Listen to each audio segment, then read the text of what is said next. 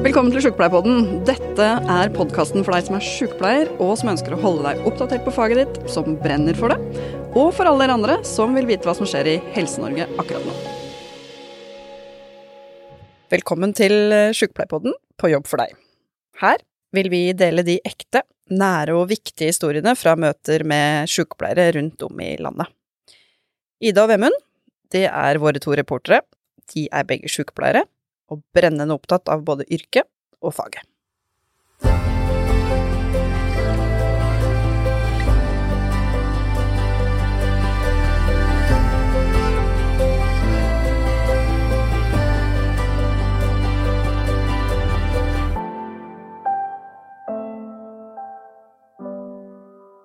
Velkommen til På jobb for deg.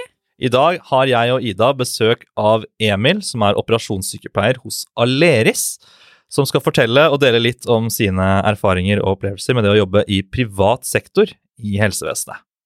Stemmer ikke det? Jo, det er derfor jeg er invitert. ja. Emil og jeg kjenner hverandre litt fra før av. Vi har samarbeidet delvis på sosiale medier og hatt en liten sånn kampanje hvor vi har prøvd å gå 100 000 skritt. Men uh, generelt vår fellestrekk er at vi er sykepleiere begge to, og jobber i helt forskjellige arenaer. Uh, jeg i det offentlige og Emil i det private. Så vi har tenkt å ta opp litt i dag hva det vil si å jobbe som sykepleier i uh, privat sektor. Hvilken betydning det har for pasientene. fordeler, ulemper. Ja, hva man kan egentlig forvente hvis man skal gjøre det. Og hvem Emil er, da, egentlig. Mm.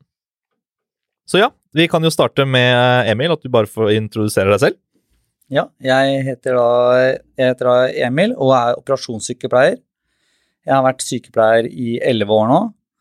Um, ble vel som veldig mange litt sånn tilfeldig sykepleier, og så likte jeg det veldig.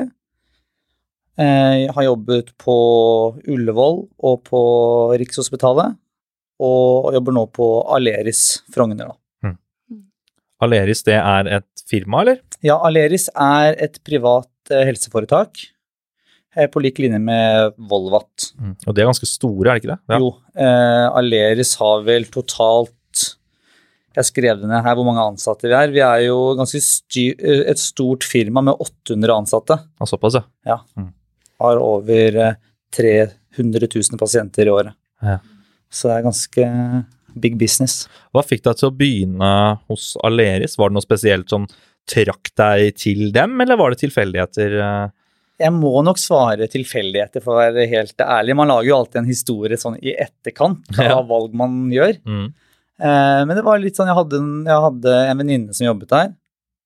Så jeg kom faktisk inn på øyeavdelingen på Aleris først, som sykepleier slash operasjonssykepleier slash optiker. Typ. Eh, og så var det da eh, en operasjonssykepleier på operasjonsavdelingen på Aleris Frogner som skulle gå av med pensjon. Og så visste jo da Det er jo stort sykehus. Eh, jeg jobber på Aleris Frogner, som er et sykehus. Da. Det er ikke medisinsk, et medisinsk senter eller klinikk. Det er Jeg vil kalle det et sykehus, eller de kaller det et sykehus. Det er mange operasjonsstuer, det er mange ulike spesialiteter her. Ja. Men allikevel så hadde da ledelsen kontroll på hvem som jobbet hvor. Da. Så de visste at de hadde da en sykepleier som også var operasjonssykepleier nede på øyeavdelingen. Så når det da var en som skulle gå med pensjon, så visste de at ok, kunne du tenke deg å begynne her? Mm. Og så ville jeg det. Så plutselig så jobbet jeg da på Aleris Frogner operasjonsavdelingen. Ja. Som da er en operasjonsavdeling med sju operasjonsstuer og egentlig alt du kan tenke deg av kirurgi, bortsett fra thorax, da, eh, brysthulen. Og så hjernekirurgi, da, det er man heller ikke. Nei. Men uh, operasjonssykepleier, det, for jeg regner med at du, du, bare ble ikke operasjonssykepleier helt uten videre? Sånn, det stemmer, det stemmer. For, gikk du rett inn på operasjonssykepleier etter du var ferdigutdanna sykepleier, eller Nei, jeg, jobba du litt først? Og så innbiller jeg meg at det er veldig få menn som går den retningen? Ja. Uh, generelt sett så er det jo få menn som blir sykepleiere, så man er allerede litt i fåtall der. Mm. Og så jeg begynte å jobbe på Ullevål, på, på, barnemedisinsk infeksjonspost. Og med barn så er det i hvert fall ingen menn som jobber. Nei. Ikke sant? Til og med legene er jo stort sett eh, eh kvinner. Eh, så Eh, jeg jobbet der i tre år, og så gikk jeg videre da til operasjonssykepleie, mest fordi jeg ville gjøre noe annet.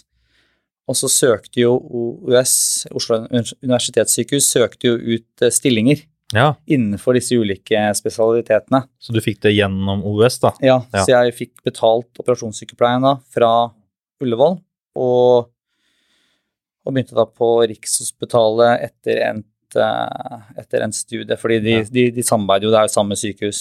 Har de da sånn bindingstid at du binder deg til å jobbe hos dem en periode da, hvis de dekker det, eller er det bare Stemmer, det var Mm. to års bindingstid. Kan jeg spørre hvilken uh, operasjonsgang du jobba på Riksen? Jeg var på Thorax. På Thorax, ja. Det er jo den avdelingen jeg hører til nå, så. ah, ja, ja. Nei, så jeg var på Thorax da også i tre år da, fra jeg var ferdig eh, operasjonssykepleier, eh, til jeg begynte på Aleris. Mm. Og nå har jeg jobbet over tre år på Aleris. Aleris, eh, hvem er det som egentlig er eh, Pasientgruppen din er jo sikkert mye forskjellig, men hvem er det som bruker eller benytter Aleris som gruppe? Er det privatpersoner eller bedrifter? Er det veldig forskjell på det? Eh, jeg jobber jo på operasjonsavdelingen, eh, og det er egentlig alle. Det kan være hvem som helst. Du du kan være privatbetalende, du kan ha helseforsikring, eller så kan det være fra det offentlige hvis man har noen offentlige avtaler. Hvordan fungerer det i praksis da? Eh, vi snakker jo om forsikring, vi snakker om avtaler. Er det, har har du da en privat egenforsikring, og hvis det skjer noe, så er det sånn ja, ok, men da skal du rett inn til Aleris? Eller må du via f.eks. fastlegen din først, og så Det er vel Ja. en gang i dette her? Ja, eh, det er jo veldig mange som ikke vet de har en helseforsikring eller behandlingsforsikring. Eh, man har vært hos fastlegen, man har fått en henvisning, og så får man kanskje litt bakover seg. Oi, det er fire måneder til jeg får snakke med en spesialist. Mm. Så er det kanskje to-tre måneder fra du snakker med spesialisten til du får videre behandling eller eventuelt blir operert. Da. Også i denne prosessen her så er det mange som da, eller noen som oppdager da at «Å, jeg har en helseforsikring da gjennom arbeidsgiver. Veldig mange arbeidsgivere i Norge nå har jo eh, privat helseforsikring. Jeg tror det var 700 000 nordmenn nå som har eh, helseforsikring, og 90% av de har det gjennom arbeidsgiver. Akkurat. Eh, Men da, det du gjør da egentlig, er at du sender da henvisningen din til forsikringsselskapet. Og så har forsikringsselskap ulike avtaler med forskjellige aktører. Eh, Men eh, det som går igjen, er at de stort sett plikter da, eller lover deg en behandling veldig raskt. Ofte innen to, to uker så er du på operasjonsbordet. Fra du snakker med spesialist, eller fra, eh, fra du får henvisningen, faktisk Mm. og sender den inn til forsikringsselskapet. Så har du da fått snakket med spesialist og blitt operert. Ja. Relativt fort. Det må være ganske gunstig da, hvis du er i jobb, og så får du en skade eller noe hemning av sykdom da, som man kan operere. Mm. så kan man jo ganske fort få operert seg. For så komme, altså, jeg skjønner jo at det er en del ofte av arbeidsgivers forsikring da, for da vil du jo fort kunne komme tilbake i arbeid. Ja, hvis du har et stort, ja, hvis du har et stort foretak da, eller et stort firma, og så har du 200 ansatte, og det er jo vanvittig stor kostnad hvis eh, 30 av de er langtidssykmeldte. Mm. Hvis du da kan forkorte sykmeldingene ned til to uker, så sparer du jo voldsomt mye. Eh, så eh, selvfølgelig så, du er jo ikke, fordi du får operert et håndledd eller et brokk innen to uker, så er du ikke tilbake eh, på arbeid eh, en uke etter det. Det er jo ofte en time gips og sånn, men det ville vært uansett, da. Mm. Så du vil korte ned betydelig uansett enn å vente Mm. de fire månedene. Men det er ikke sikkert man er nødvendigvis sykemeldt for å ha et brokk eller, Nei. eh, eller måtte Nei. operere et håndledd eller da. Nei, men det er faktisk en del med manuelt arbeid, sånn som oss selv, da, sykepleiere. Vi blir dessverre sykmeldt veldig fort, fordi sånn som jeg, jeg brakk en finger eh, for tre år siden, og det er jo bare så idiotisk skade, men da hadde jeg jo gips ned til underarmen, og jeg, jeg, da kunne ikke jeg være på jobb. Nei, det er jo ikke så lett å For du får ikke utført håndhygiene. Og så er det ofte ikke så mye kontorarbeid eh, for oss. Vi kan jo gjøre noe, men eh, ofte så er det da lettere for arbeidsgiver å heller få betalt fra få betalt sykemeldingen da, fra Nav, enn at man skal gå rundt og sulle på jobb og gjøre litt kontorarbeid i ny og ne. Så er det jo så Og sånn er det med håndverkere også, ikke sant. Et firma med, med håndverkere vil ikke ha, ha de på jobb hvis de ikke kan yte 100 da. Det blir litt sånn slapt ellers. Ja, Jeg kan se for meg hvis hadde, det hadde skjedd med hånden min. da. Ja. Så jeg Ikke kan jeg blande antibiotika, ikke kan jeg ta på meg sterile hansker for å legge inn kateter. Egentlig kan jeg ikke hjelpe noen opp av sengen heller, for det blir for stor belastning på hånden. Altså, Du blir jo bare sittende og kanskje, kanskje kan jeg skrive med én hånd på tastaturet, da. ja, ikke sant? Og Det hjelper å dokumentere, men det er veldig ineffektivt. Eh, så jeg vil jo ikke avlaste de andre så veldig mye da heller, sånn egentlig. Men vi er jo veldig hyggelige, da, så vi kunne jo sikkert ført til veldig god stemning på avdelingen.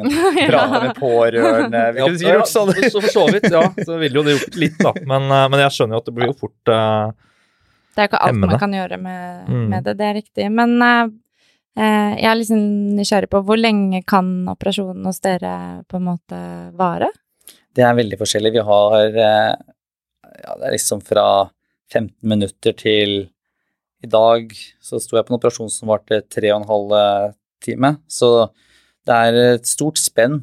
Hvor lenge er pasienten hos dere da etterpå? Eh, Det, det avhenger også litt av hva de ble operert for. Mm. Eh, Det kan være fra at de ble skrevet ut etter to-tre timer på, på oppvåkningen, til at de sover over to-tre overnattinger. Ja. Mm.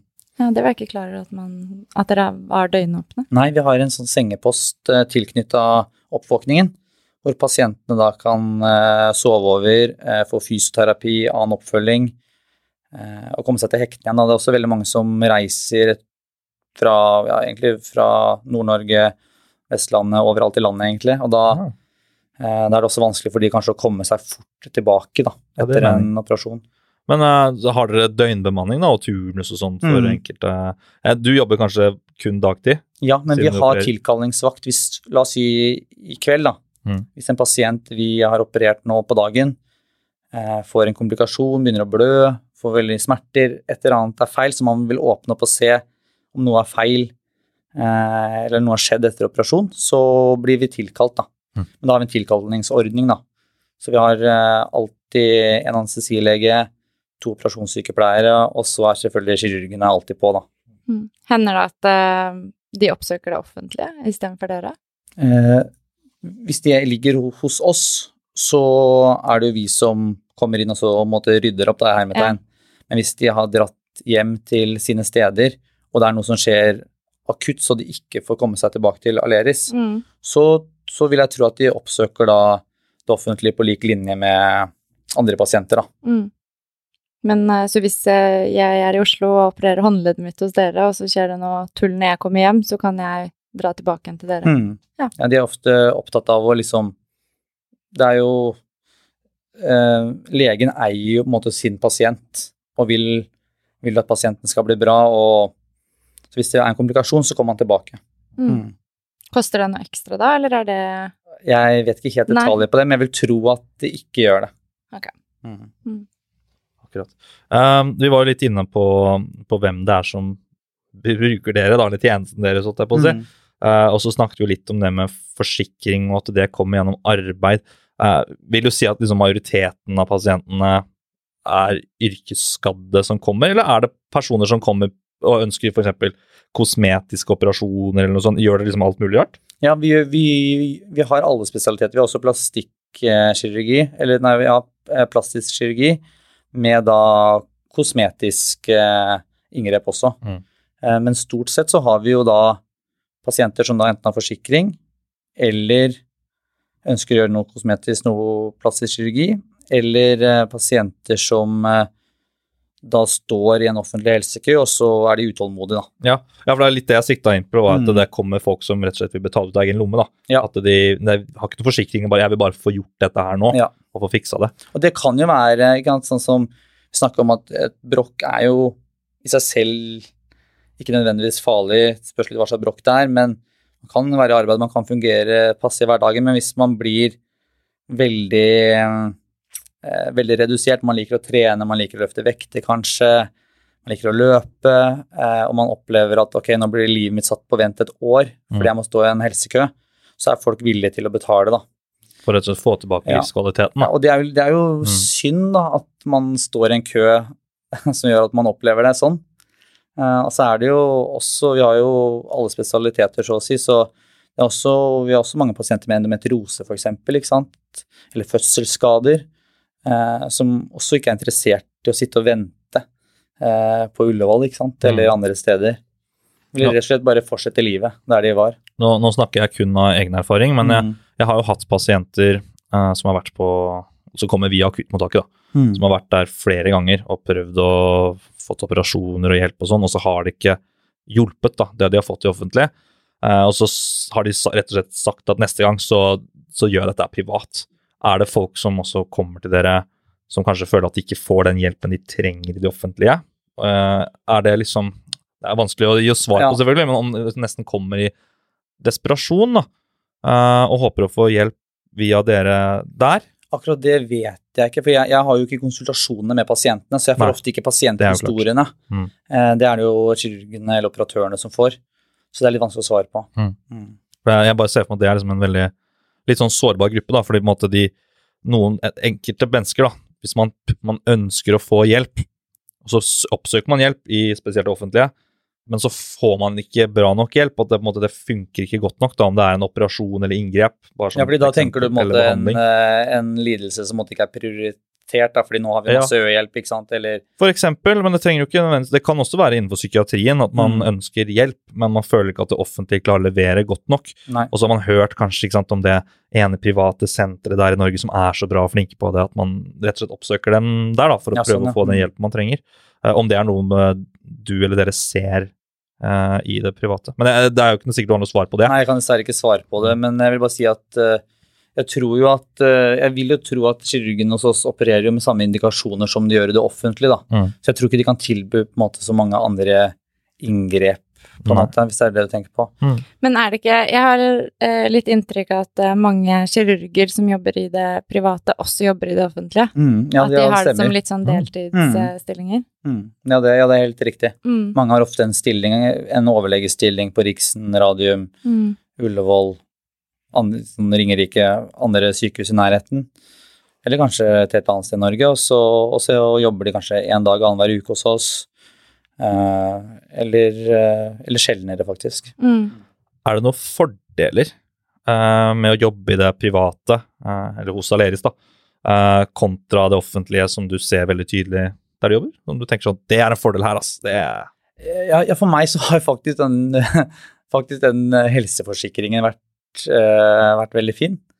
Eh, fordi det er ikke noe jeg er vant til å ha Nei. som offentlig ansatt. Ja, for dere har den samme forsikringen som jobber der, ja. Ja, Mm. vi ansatte også har privat eh, helseforsikring, og det tror jeg kanskje kanskje på sikt vil endre seg litt når man søker nye stillinger, at man ser litt hva slags pensjonsordninger har arbeidsgiver, hva slags forsikringsordninger har man. Det er dessverre sånn at jeg tror alle vi tre som er i helsevesenet opplever litt at helsevesenet kan delvis liksom rakne litt nå.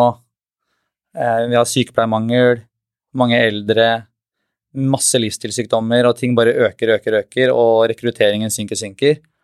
Så det er jo litt sånn Jeg tenker at man kanskje setter pris på litt sånne ting, i hvert fall frem i tid, da. Mm. En helseforsikring. Eh, ellers så er det jo Det er jo Jeg likte veldig godt å jobbe på Riksen Ullevål. Jeg har likt alle jobbene mine. Eh, og det jeg ofte har likt, er jo det sosiale, og det er også veldig bra der jeg jobber nå. Og så er det relativt små forhold. Det er ikke så vanskelig å oppsøke sjefen sin eller si fram ting. Eh, ting blir gjort veldig fort, da. Mm. Hvis man har et forbedringstiltak eller eh, registrerer et avvik, hva som helst, så er det ikke så lang vei fra registrering til at det fikses. Mm. Eh, og sånn vil det selvfølgelig være på mindre Ja. steder alltid, uansett om det er offentlig eller privat. Men du føler ikke at du drukner i et byråkrati, liksom? At Nei. det- Alle har jo veldig Nå skal jeg ikke si at folk sitter på offentlige sykehus uten, eh, uten, å, uten å gjøre noe, men det er jo mindre forhold, da. Mm. Uh, og det er jo Det som også er fordelen, da, som operasjonssykepleier spesielt, er at det er veldig god logistikk, da. Det er jo dessverre mye som skjer da jeg jobbet før, at man sitter mellom operasjoner og venter på pasient nummer to. Man kaller det skiftetid, ikke sant, fra man har fått ut pasient én til nummer to kommer inn. Og så er det jo Man må ringe et eh, man må, man må ringe et renholdsteam. Man må koordinere med anestesien som sitter på et annet kontor. Mm. Man må ringe operatørene. Hvor er du i løypa nå? Er du på intensiv sengepost? Det er, ikke legene har jo voldsomt mange oppgaver ofte på et offentlig sykehus. De sitter ikke bare og opererer når de opererer. Du finner dem ikke på sengeposten heller, i hvert fall. Nei, hvor, hvor er de? Det Hvor så hvor er de? Eh, og så renholdspersonellet er jo superflinke, men de må jo også da vaske helt voldsomt mange operasjonsstuer. Mm. Eh, så det er bare flere folk å få tak i for å komme videre med dagen. Men er det Og- operasjonssykepleierne som koordinerer det? Ja, det, det er gjerne ofte operasjonssykepleierne som måtte, holder den logistikken da, Ja. samla i løpet av en arbeidsdag. Vi kan jo snakke litt om det etterpå, hva arbeidshverdagen går ut på. Ja, for jeg har lyst til å vite liksom, hvordan er egentlig en vanlig arbeidsdag for deg som operasjonssykepleier? Ja, og det, det er jo litt sånn Det visste jeg ikke selv når jeg søkte, faktisk. Fordi det er liksom Det ligger et par undervisningsfilmer ute, tror jeg. Sånn hei, bli med meg på jobb, typ. Mm. Eh, men eh, de er vel Ja, det går ganske fort gjennom det, og så får du kanskje ikke helt inntrykk av hva det er du faktisk gjør. Og det er litt sånn med alle yrkestitler, det er jo kanskje litt vanskelig på en måte å si hva er det jeg gjør i løpet av en dag. Uansett hva du jobber med, enten Mm. du er eh, byggingeniør eller sykepleier. Dagen går i hvert fall veldig fort. Ja, du starter med en kaffe, liksom. Det er Ja. en rutine Ja. Ja. Det er jo det er som vanlig sykepleier, du drar på jobb. Gjerne da Du, du er jo skiftarbeider. Du har en fast tid du må, må møte opp. Det er ikke noe fleksitid. Eh, du skifter, går opp på vaktrommet. Hittil er det helt likt som sykepleieryrket. Ja. Eh, det som skjer på vaktrommet, allerede her begynner å skli i hver sin retning, fordi her har vi ikke noen pasienter vi må få, må få rapport om. Det er ingen som ligger Mm. inne på operasjonsavdelingen. Nei. Så da er det egentlig bare å si hei til hverandre. Har det skjedd noe spesielt fra i går? Noe spesielle avvik eller noe vi bør vite? Noen instrumenter som mangler, eller Ja. Og så går vi egentlig direkte ut på operasjonsstua fem minutter over halv, eller ti minutter over halv. Og så begynner vi rett og slett å bare åpne opp utstyr, sjekke at operasjonsbordet ser bra ut, snakke med hverandre. Hei, hei, jeg skal være med deg i dag. Mm. Står alt bra til? Er anestesiapparatet klart for pasienten? Er mine instrumenter klare? Vi snakker med operatøren. De er jo alltid til stede på operasjonsstua på morgenen. Ja. Eh, og så er det de som henter pasientene. Hvem sa du hentet pasientene? Det er, det er legene. ja, ok. Så det, det er ganske uvant Ja. fra det offentlige. For de som Ja. hører på som ikke har selv jobbet på et offentlig sykehus, eh, så gjør ofte ikke legene sånne oppgaver. Nei. Nei, de gjør vel ikke sånn. De henter ikke pasienter, stort sett. Det er det, portø det, er det portører eller sykepleiere som gjør. Ja. Ja. Mm. Ta med inn, ja. Ja, nei, husker, Nå har jeg tatt operasjon før, jeg, og det, jeg kan ikke huske å snakke med noen lege, egentlig. Det er bare, Du kommer inn, og bang, så er hun på operasjonsbordet. Sier så vidt hei der, men det er så mange ansikt at du vet ikke hvem som er hvem, og så får hun narkose og våkner opp i en seng med en sykepleier igjen, liksom. Ja. Og legen har vært der og gjort jobben sin, men du får på en måte ikke prata så veldig mye Nei. med. Det er ikke så mye snakking, da. kan Nei, si. så det, det er litt forskjellen her. Her så følger jo da Nå høres det ut som sånn Aleris-reklame fra en til annen her, men her følger, her følger jo her følger jo da Legen har jo ikke så mange distraksjoner akkurat her, ikke sant. Nei, dere har jo mye mer å gjøre akkurat nå. Ja, eh, Så da, da følger jo da Da går legen og henter pasienten, og mens legen henter pasienten, så tar vi og åpner alt utstyr. Eh, legger opp det. Vi har jo en liste på veggen med alle inngrepene vi skal gjennom i løpet av dagen. Eh, ser gjerne på det dagen før, forbereder seg litt. Eh, og så kom pasienten inn. Vi hilser pasienten, selvfølgelig tar en sånn sjekkliste. Hvem, hvem er du, hva skal du gjøre? Det er en sånn trygg kirurgiliste vi må gjennom, eh, som man har fått, eh, fått fra pilotene, eller man har lært av pilotene. Selv om man tror man vet alt, så er det greit å bare ta en sånn sjekkliste, så er det blitt gjort. Mm. Eh, legger pasienten på bordet, leirer pasienten så det ikke blir noen skader, eh, fordi pasienten skal jo da kanskje sove en god stund. Mm. Og når pasienten sover, får man jo ikke justert på noe som klemmer eller trykker eller er ubehagelig. Eh, og så begynner anestesin å legge pasienten ned i søvn, og vi fortsetter med våre greier, ikke sant, instrumenter, lokal bedøvelse, alt sånn. Så vasker kirurgen seg inn, og så begynner inngrepet, og så da har vi delt da i to ulike eh, arbeidssituasjoner. Da. Vi har alltid to operasjonssykepleiere på et inngrep. Én er sterilt utøvende. Det vil si egentlig assisterer kirurgen, har kontroll på instrumentene, Mm. passer på at de får bli sterile, gir kirurgen det den skal ha til enhver tid. Prøver å være i forkant, ikke alltid like lett. Eh, Mm. og så er den koordinerende, den dokumenterer pass, Kan kanskje bevege pasienten litt under inngrepet. Eh, koordinerer man anestesin, kanskje sender melding ut hvordan man ligger an for neste pasient Akkurat. holder litt på med det opplegget der. Og så eh, er inngrepet ferdig, man lukker, pasienten våkner. Legen tar da pasienten opp på oppvåkningen, Ja. og så rydder vi opp. Eh, renholdspersonellet står klar utafor, kommer rett inn, vasker operasjonsstua. Vi går ut med instrumentene, vasket de. Koordinerende går og henter nye instrumenter, og så begynner vi på nytt. igjen. Neste pasient. Så skiftetid på mellom fem til ti minutter, da. Ja, det er ikke så mye. Jeg har jo vært med og sett noen eh, eller, Jeg har vært med og sett noen operasjoner selv, og liksom mitt inntrykk er veldig at eh, opp, dere operasjonssykepleiere, dere er liksom med i selve altså Det er ikke dere som skjærer, men dere leser på en måte litt tankene til eh, kirurgene mange ganger. At eh, Mm. når de står med noe og legger fra seg noe, så kommer det rett i hånda det nye instrumentet de skal ha, da. Ja, helst så skal Ja. det være tilfellet. Ja, det, det, det ser bare sånn her, jeg blir sånn Oi, shit, det her er jo altså tankeoverføring, nesten. Har du noen gang tabbet deg ut skikkelig der? Gitt feil skapell, Jeg tror, jeg tror alle, uansett hva slags jobb man har Nå skal jeg bare forsvare meg selv først. Bare, bare, bare legge opp.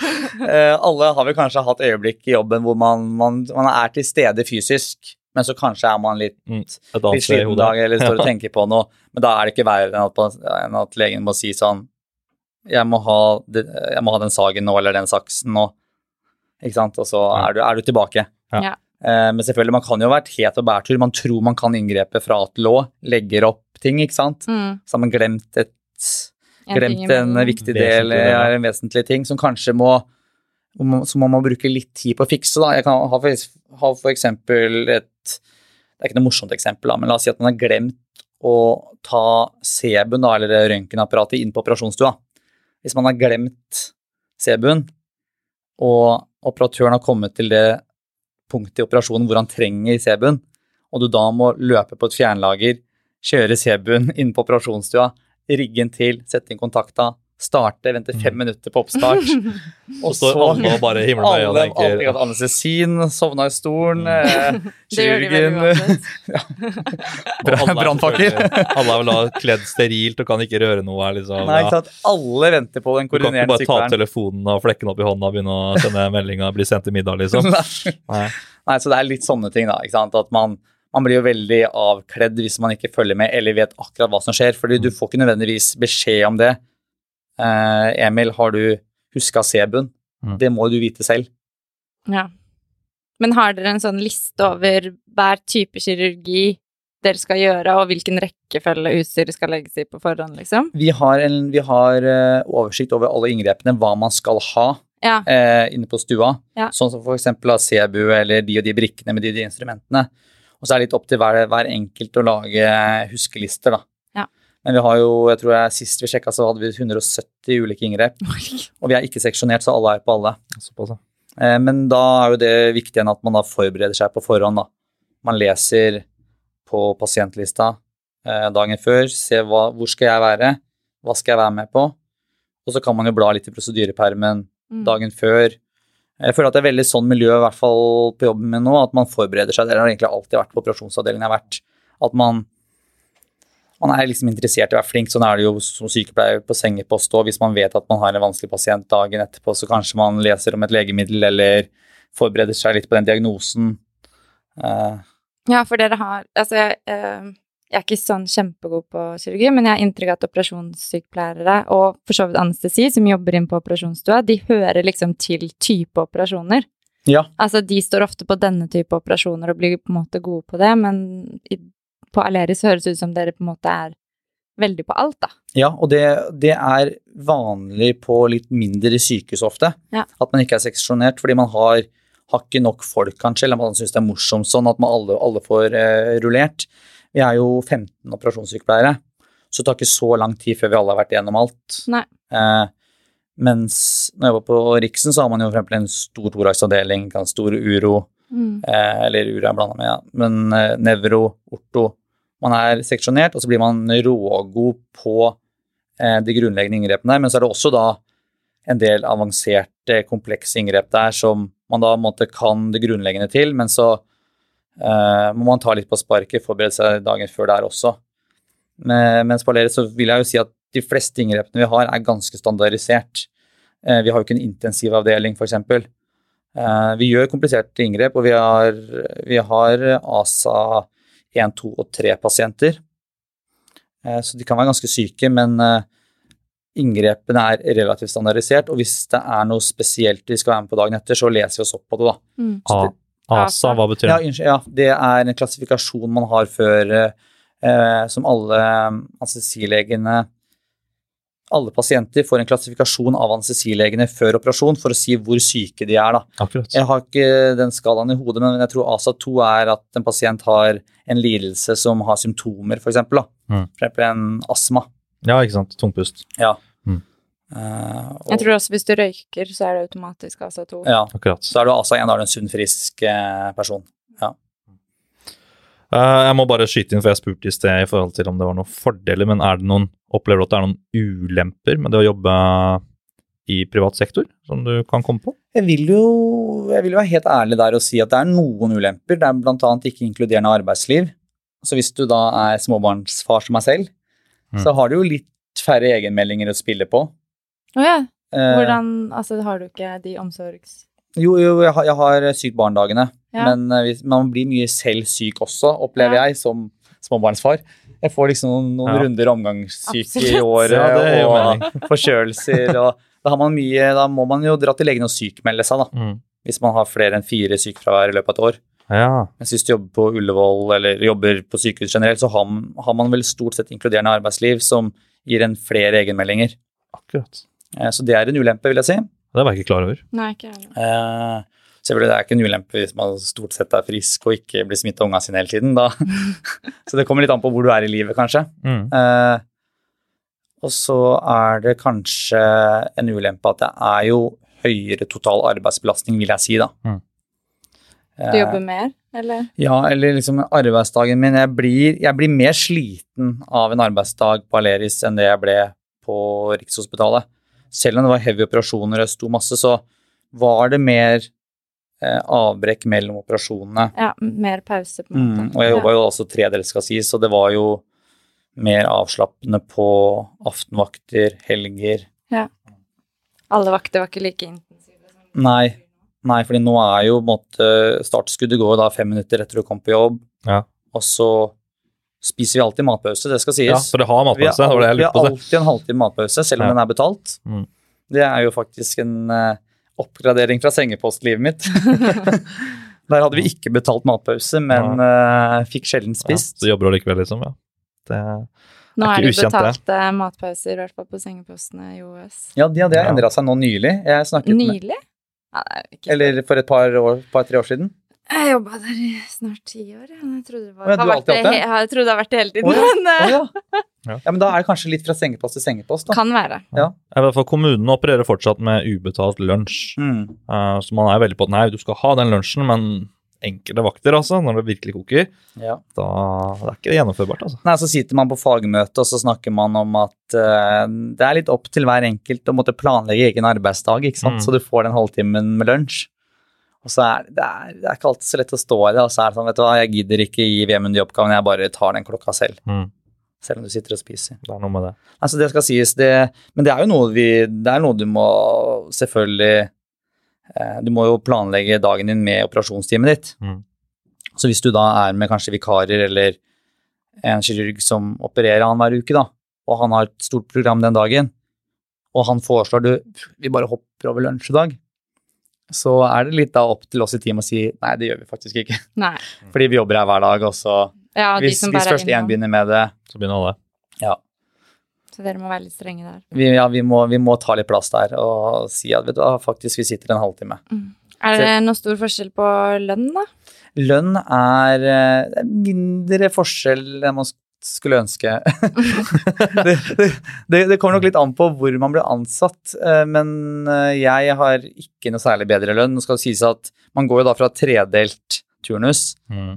og man merker de tilleggene med natt og kveld. Ja, når de forsvinner. Mm. Og så jobber man en 1. mai kanskje, eller en 17. mai, og så går jo lønna tilsvarende opp. Eh, Så lønna ligger generelt høyere enn grunnlønna, Mm. men ikke, ikke mye. Nei. Jeg kan ikke si hva du får hva liksom utbetalt, er kanskje ikke så stor forskjell på når du ikke får tilleggene. Nei. Så man kan ikke gjøre det Man kan ikke bytte til privat sektor for inntekten. Men selvfølgelig, mange vil jo Mange sykepleiere vil jo på et tidspunkt kanskje i livet jobbe fra halv åtte til halv fire-fire. Og Mm. da er det jo da dagkirurgiske eh, avdelinger, det er poliklinikk, det er helsestasjoner, og det er da ofte private operasjonsavdelinger, da, eller private sykehus hvor man kanskje da har større mulighet for å jobbe sånn.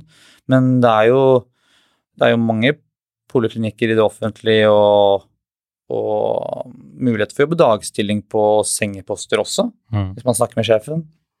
Så Ofte litt kniving om de plassene. men- tror det er vanskelig på en vanlig sengepost å jobbe dagstilling og ikke helg og ja, det, blir, det blir ganske dårlig stemning, kanskje. Jeg tror, jeg vet ikke. Ja, altså, I hvert fall min uh, erfaring er at det Da skal du ha God grunn. god grunn og, Sju barn. ja, minst. uh, vi uh, toucha litt i sted på det med at hvis det blir en komplikasjon, at man kunne komme tilbake. eh, Mm. Som jeg ikke visste i det hele tatt. Men uh, hender at man, det er en såpass alvorlig komplikasjon at det er noe eh, man ikke kan ta der, da? Ja. Hvordan fungerer det da? Går det videre til offentlig sykehus da? Det, jeg, jeg håndterer jo aldri det her selv som operasjonssykepleier, men det, det er da Da tror jeg at det her Jeg må bare si at det her Jeg vet ikke akkurat hvordan det her fungerer, for det her er ikke noe jeg sitter med. Nei. Nei, nei, nei. Men jeg vil tro da at legen ringer sykehuset, rett og slett, og fikser en overføring. Ja. Men det her er jo selvfølgelig ikke populært, så det her er jo noe som skjer veldig sjelden. Hvis ikke så hadde det jo blitt en stor snakkis. Ja, det vil jeg Hvis, tro. eh, hvis man sitter og får eh, Alle komplikasjoner fra Aleris Ja, eh, Ja, det er sånn her de eh, vil Aleris sengepostene sender oss alle folk som de har, liksom. Det, ja, det ser jeg. Og så er det jo, det er jo ganske stort press på de som opererer hos oss, med at de må jo ha gode resultater. Sånn som Aleris må jo, må jo registrere alt de gjør, ikke sant. Mm. Og det er jo Fins jo Skal vi se Jo, det fins jo nasjonale kvalitetsre... Man registrerer eh, inn all, all helsehjelp i nasjonale registreringssystemer, hvor da også eh, private aktører blir eh, rangert sammen med offentlige, og da må man jo score bra. Mm. Er det noen gang dere får henvendelser fra det offentlige fordi de har for lange køer og trenger hjelp? Ja, det, vi har jo sånn fristbruddoperasjoner, Ja, men jeg kan ikke de avtalene i hodet. Nei. så dere har noen av de Mm. som har stått for lenge i kø i det offentlige, som kommer til dere, da. Mm. Mm. Sånn sett er det jo bra at uh, dere eksisterer, da, for det er jo med på å avlaste disse køene man hører om Ja, det er litt og sånn der, eh, lever med. det er jo litt sånn vanskelig det med privat og offentlig. Man, det er jo, blir ofte et politisk spørsmål, og så har man jo et politisk standpunkt, men det som måtte er målet, målet til alle, er jo måtte, å hjelpe mennesker. Få helsekøene ned, få operert folk, få sendt folk på CT, røntgen til videre utredning, gå til spesialist, få den nesesprayen du trenger, Mm. så du slipper bilbetennelse. Um, så bety Du spurte meg på melding uh, hva, hva, hva slags betydning private aktører kan ha, da. Mm. Og da er det jo det egentlig økt behandlingskapasitet. Jeg leste at Helsedirektoratet skrev nå at eh, det er 250 000 nordmenn på ventelister. Selvfølgelig noe ventelister må det jo være. Mm. Eh, men eh, hvis man da hadde samarbeida kanskje enda mer, da, så kunne man jo gitt pasienten en raskere behandling. Og det er jo også sånn at eh, siden man har såpass da store privatsykehus, så kunne man jo da også eh, mobilisert flere ansatte. Eh, man kunne fått unna flere i perioder hvor måtte, offentlig må ta seg av de tingene de må ta seg av. da. Sånn som ø-hjelp vil man alltid måtte ha. Intensivpasienter. Man så i denne pandemien, så var jo Da la jo så å si operasjonsavdelingene sine ned, ned driften sin. Det var, ikke Mm. noe, det var ikke noe elektivt under pandemien. Det var det var, det var lite, da. Det var jo, det kommer an på, da. Altså, Mm. En kreftpasient kan jo også kalles elektiv, på Ja. en måte. Så det Mm. blir jo tatt på Men det var jo det som var på en måte prioritert. Akutt syke, kritisk syke og barn, da, ble jo prioritert Mm. under pandemien. Men sånn som vi snakket om i stad, sånn som brokk eller håndledd eller Altså livskvalitet og for, altså livsforbedring, da, Mm. ble jo ikke prioritert. Nei, ting som ikke haster, på en måte. Mm. Kan jeg spørre hvordan Nå sporer jeg litt av igjen, men hvordan påvirket eh, koronapandemien dere i privat sektor? Det, Hadde det noe, Var det alt det samme hverdag, eller ble det store endringer? det var en periode med delvis nedstengning. Eh, selvfølgelig, eller ikke selvfølgelig, da, men kosmetisk kirurgi var jo ikke prioritert da. Eh, men ellers så var driften som normal ganske raskt. Det var en periode med litt permitteringer og sånn. Eh, Ble du permittert? ja, jeg ble permittert, Ja. for jeg var nyansatt akkurat. akkurat. Så hadde jeg liksom ikke fått opplæring. De kunne ikke bruke meg til så mye akkurat da. Eh, Men jeg tror jeg var den eneste på operasjonsavdelingen som var permittert. Så ellers så var det drift, da. Eh, Så det er jo en risiko, da, å jobbe i det private. Ja, det, ja, det kan man jo si, da. At Mm. man, hvis det er lite pasienter som kommer, Mm. så kan man jo da også risikere å miste jobben, da. Mm. Enten det er en permittering eller en oppsigelse. Ja. Men sånn det ser ut nå, så ser det ikke så veldig mørkt ut. Nei, det, jeg tror det blir ganske mye pasienter Ja, fordi- eh, tiden fremover. eh. Fordi målet er vel kanskje at man har det private som et supplement til det offentlige. Mm. Og så må jo de regionale helseforetakene de må jo levere på det de er gode på. Og det er jo da skal man si, kreft, eh, fødsler, eh, alt eh, akutt ø-hjelp, alt som trenger intensivavdeling. Eh, og det er, jo, det er jo utrolig mange komorbide pasienter der ute som har komplekse lidelser, og som nærmest må bo på sykehus før og etter en operasjon. Så de kommer ikke til dere? Nei, de kommer ikke til oss. Nei. Men da, altså, da er jo egentlig Og det er heller ikke målet for oss, vil jeg tro. Nei. At vi skal ha de pasientene. Det er heller målet å ha pasienter som er litt mer strømlinjeforma. Men nå kan ikke jeg snakke på vegne av Aleris, da, hva, hva deres eh, mål er, men, eh, men eh, det, man kan på en måte brukes til det man er gode på, tenker jeg. da. Det er, det er i hvert fall mitt forsvar hvis noen Hvis jeg har venner som utfordrer meg politisk på hvorfor, hvorfor jobber du på Aleris, liksom. Mm. Du burde heller jobba på Ullevål eller Riksen. Så tenker jeg liksom, jeg gjør en viktig jobb her også. For det, det, det tror jeg kanskje mange, mange ikke tenker på, men når du slutter Sånn som når jeg slutta på Thorax, da, så gjorde du på en måte noe som var åpenbart veldig viktig. Du reiser ut, du henter, eh, henter organer du setter inn i en ny kropp, ikke sant. Eh, Du måtte måte, er med på å redde liv hver uke. Eh, og så slutter man eh, slutter man på Riksen, begynner på Aleri, så vil jo selvfølgelig da kollegaene dine der de tre månedene du har oppsigelse, være ganske slemme med deg. Mhm. oh, ja, så nå skal du liksom sette inn silikonimplantater. Ja, ikke sant? Det er det, det er det du skal begynne med nå. Mm. Botox og Restylane Ja. og mm. Så det, men det må man selvfølgelig bare, bare smile og le av, da, når man står oppi det. Har dere mye sånn Har dere implantater og veldig mye Mm. kosmetiske operasjoner? Ja. Er det Det dere har mest av, eller er det Nei, det, vi har jo sju operasjonsstuer, Mm. så det er fra, det er fra én til to operasjonsstuer, da. Vi har eh, kosmetisk eller plastisk kirurgi på. Og det er jo også da mye, mye som også opereres i det offentlige, sånn som bukplastikker, hvor man har da mye henge ut på magen, f.eks. Etter fødsel eller etter graviditeter. Eh, og brystreduksjoner. Det er også pasienter som da enten har på en måte for små bryster til å få det offentlig betalt, eller, eh, eller ikke orker å vente, da. Det kan f.eks. være en 18-åring med veldig vondt i ryggen, da. Så orker ikke stå i kø. Så det er litt så forskjellig. Eh, Men det er, det er hele spekteret. Ja. Det eh, det det er, det er veldig variert. Mm. Mm. Ja, eh, takk for at du kunne komme med oss i studio, Emil. Eh, du har jo også din egen podkast som du er med å produsere. Eh, Ja, stemmer. Helserelatert heter den, for de som er nysgjerrig. Der er det du og en sykepleier som heter Thomas, som holder den. Dere snakker om alt relatert til helse, Ja. stort sett. Ja, vi, ja, vi Ja. prøver å holde oss innafor helsesegmentet. ja. jeg, har også vært, jeg har også vært gjest der i en episode, for Ja, eh, det var vel i fått høre den. 2020. Men, Nei, men du er, du er, du er hjertelig velkommen, Ida. Ja, det er hyggelig. Det er hyggelig.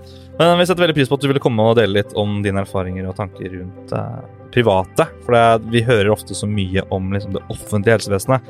Mm. Eh, men det er jo ting som skjer også der, i det private, så vi ville gjerne undersøke det litt. Og hvordan det var å være operasjonssykepleier. Ja, det også, ikke minst. veldig Jeg vil jo ikke anbefale noen å søke operasjonssykepleier, fordi jeg liker veldig godt jobben min. Det er litt fint å være litt sånn unik. ja. Du er unik. Ja. veldig unik. ja søk operasjonssykepleier. Det er, det, er, det er en veldig fin spesialisering. Skyt inn til slutt, er det manko på operasjonssykepleiere? Veldig. Det er veldig manko. Så søk operasjonssykepleier. Bare søk operasjonssykepleier. Ja, du får jobb uh, uansett.